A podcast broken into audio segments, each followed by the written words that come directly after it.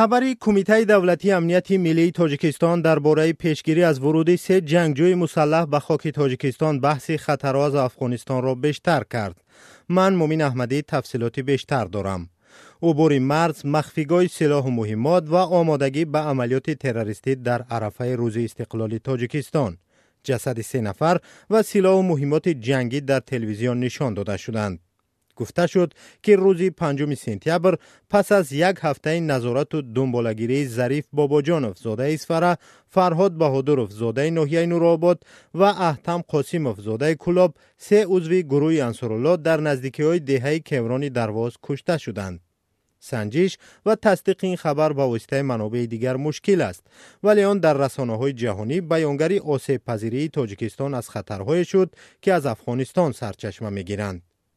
گروه انصارالله که از حساب زادگان تاجیکستان شکل گرفته است. سالهاست در افغانستان زیر نظر طالبان عمل می کند. طالبان که ماه اوگوستی سال 2021 نظارت افغانستان را به دست گرفتند اداره برخی از قطعه های مرز با تاجیکستان را به دست این گروه سپرده بودند. رهبران حکومت طالبان بارها وعده دادند که از خاک افغانستان هیچ خطری به کشورهای همسایه تهدید نخواهد کرد. кишварҳои ҳамсояи афғонистон ва русияву амрико аз ҳузури ҷангҷӯён дар афғонистон борҳо нигаронӣ карданд. Бархе мунтақидон дар шабакаҳои иҷтимоӣ гуфтанд ки ҳеҷ имкон надорад ки се нафар панҷ автомату ду снайпер маводи таркандаву тирдони зиёдеро бо худ бардошта тавонанд. کمیته دولتی امنیت ملی در گزارش تلویزیونی شهر داده است که این گروه هرچند شب 29 و 30 اوگوست وارد تاجیکستان شده است قبلا از حدود کشور همسایه مقدار حجما کلان اسلحه انتقال و در پنهانگاه جای کردند. دو ساکن دهه کورانی ناحیه درواز گفتند که از داخل دهه صدای تیر شنیدن نمی‌شد ولی چوپانها آن روز در بلندکوهای دهه صدای تیرپرانی را شنیدند. афроде ки исмашон ҳамчун кушташудагони ин амалиёт расонӣ шуд чанд сол боз дар феҳрасти гумонбаршудагони таҳти пайгард қарор доштанд. Наздиконашон мегӯянд хабари маргро ба онҳо расонданд вале ҷасадҳоро барои хоксупорӣ надоданд. Бар асоси охирин тағйир дар қонунгузории тоҷикистон ҷасади афроди муттаҳам ба терроризм ба наздиконашон дода намешавад. بشر بهادروف ساکن دهه شربگیان ناحیه نورآباد پدری فرهاد بهادروف یک تن از کشته شدگان روزی هفتم سپتامبر در صحبت با رادیو آزادی گفت روزی گذشته مقامات خبر مرگ پسرش را با او رساندند. او گفت به یکی از پسرانش جسد را نشان دادند ولی آن را به اختیارشان نسپردند. و گفته او پسرش سال 2014 از روسیه به افغانستان رفته به گروه انصارالله پیوسته است. سه سال پیش دو برادر و یک امک فرهاد برای تماس با او از سه سال و شش ماه تا چهارده سال زندانی شدند. پدرش گفت فرهاد تا هشت ماه پیش به نزدیکان همسرش تماس داشت و می گفته است که در افغانستان است. او گفت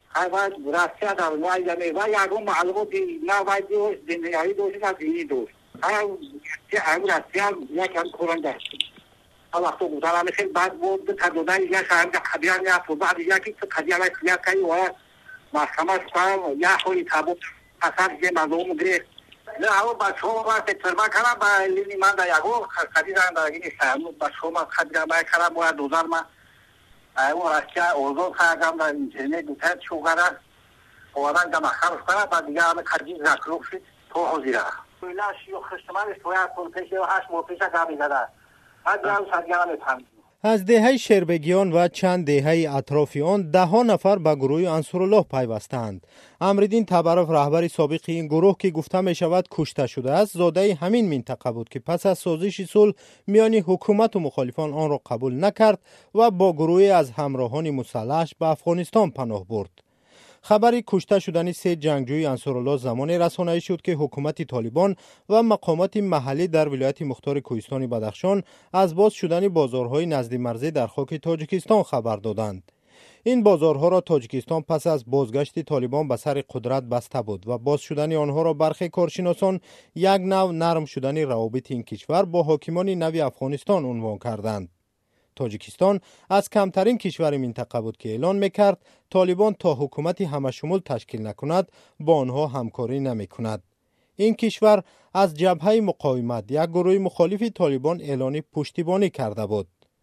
فریدون هادیزاده کارشناس تاجیک می‌گوید گروه انصرالله پورا زیر نظارت طالبان است و در گمان است که بدون خواسته آنها دست به عمل زند او می‌گوید ظاهرا این گروه را طالبان همچون یک وسیله فشار به تاجیکستان استفاده می کند گفتن که طالب ها این یک فشنگ هست برای برای تاثیر به تاجیکستان. یعنی مقامات تاجیک در گذشته گفته بودند که انصرالله از 200 تا 500 عضو دارد که اکثرش تاجیکستانی هستند کمیته دولتی امنیت ملی تاجیکستان گفته است که این گروه با هدایت و پشتیبانی خدمات مخصوص عمل کرده است ولی از هیچ گروه یا کشوری پشتیبانی انصرالله نام نبرده است. فریدون هادیزاده می‌گوید تنها حالتهای استثنایی می‌تواند وجود داشته باشد که جنگجویان ناراضی این گروه با اعتراض بر رهبران خود و طالبان به اجازه آنها مستقلانه عمل کنند. منتقدان حکومت همیشه به حادثه های شبه به این با شبه می نگرند و می‌گویند مقامات برای دریافت کمک های بیشتر خارجی و برای مبارزه با تروریسم چنین حادثه ها را بزرگ نشان می‌دهند. نعمت احمدی خبرنگار سابق رادیو آزادی که سالها در بدخشان افغانستان کار کرده است می‌گوید تا سر قدرت آمدن طالبان گروه انصرالله در دره خستک این ولایت قرارگاه داشتند. بعدا آنها را به ناحیه های نزدیکتر به مرز تاجیکستان انتقال دادند. او گفت شما ببینید که تمامی گروه های تروریستی که در دنیا اگر نامش شنیده باشین فعلا در افغانستان اینا حضور دارند از انصار تاجیکستان تی تی بی پاکستان داعش القاعده تمامی گروه ها فعلا در افغانستان هستند و این بسیار خطر کلان برای کشورهای همسایه هستند اگر اقدامی نشود ممکن که در آینده نه چندان دور سرنوشت کشورهای همسایه به مانند افغانستان یک رقم منفی بخورد. نعمت احمدی می‌گوید حالا طالبان منفیت دار نیست که این گروه را مستقل گذارد و برای حمله های پی در پی هدفمندانه به تاجیکستان روانه سازد. گروه انصرالله پس از ختم جنگ شهروندی بیش از 20 سال باز در افغانستان حضور دارد.